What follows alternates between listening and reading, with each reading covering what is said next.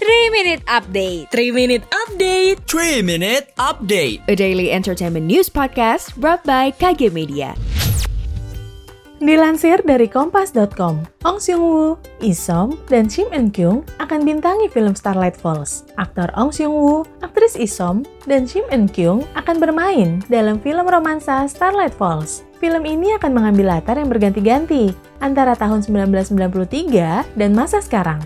Film ini mengikuti kisah kedewasaan seorang laki-laki yang diperankan Ong Seung Woo dan dua perempuan yang memiliki nama yang sama yang diperankan oleh Isom dan Shim Eun Kyung.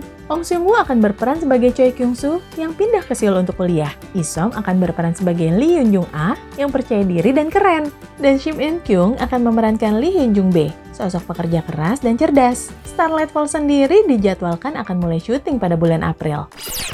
Jumpa lagi bersama saya Aiman Wicaksono. Izinkan saya untuk berbagi cerita menarik dan berkesan selama penggarapan program Aiman Kompas TV yang belum pernah saya ceritakan sebelumnya. Eksklusif di podcast Aiman. Dipersembahkan oleh Medio by KG Media, siniar cerdas tanpa batas. Eksklusif di Spotify dan YouTube Trusty Official. Kita beralih ke berita selanjutnya. Dilansir dari grid.id, Laudia Cynthia Bella tiba unggah foto lama sambil singgung soal hari pembebasan. Aktris Laudia Cynthia Bella mengumumkan kabar perceraiannya dengan Ungku Emran pada 1 Juli 2020.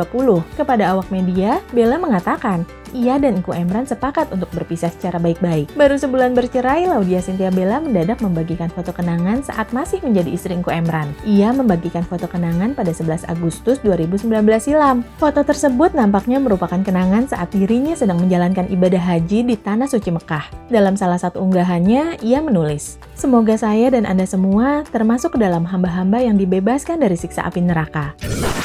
Dan yang terakhir, dilansir dari high.grid.id, banyak pocong di poster film Pengabdi Setan 2, Joko Anwar sebut lebih asik dan mengejutkan. Teaser poster film Pengabdi Setan 2, Communion, baru saja dirilis rumah produksi Rapi Films pada Kamis 17 Februari lalu. Dalam poster tersebut, sutradara Joko Anwar menggoda calon penonton dengan penampakan pocong di jendela rumah ibu. Ia juga nge-spill detil benda-benda yang tampak usang, seperti koper, buku tua, lampu kapal, radio, senter, dan toples toples berisikan biji-bijian minus lonceng ibu. Joko Anwar juga memastikan bahwa penonton bakal mendapat banyak kejutan pada sequel yang kali ini. Ia juga mengatakan filmnya ini bakal lebih seru ditonton di bioskop. Demikian 3 Minute Update hari ini. Saya Ernita Gayatri pamit, jangan lupa dengarkan update terbaru lainnya.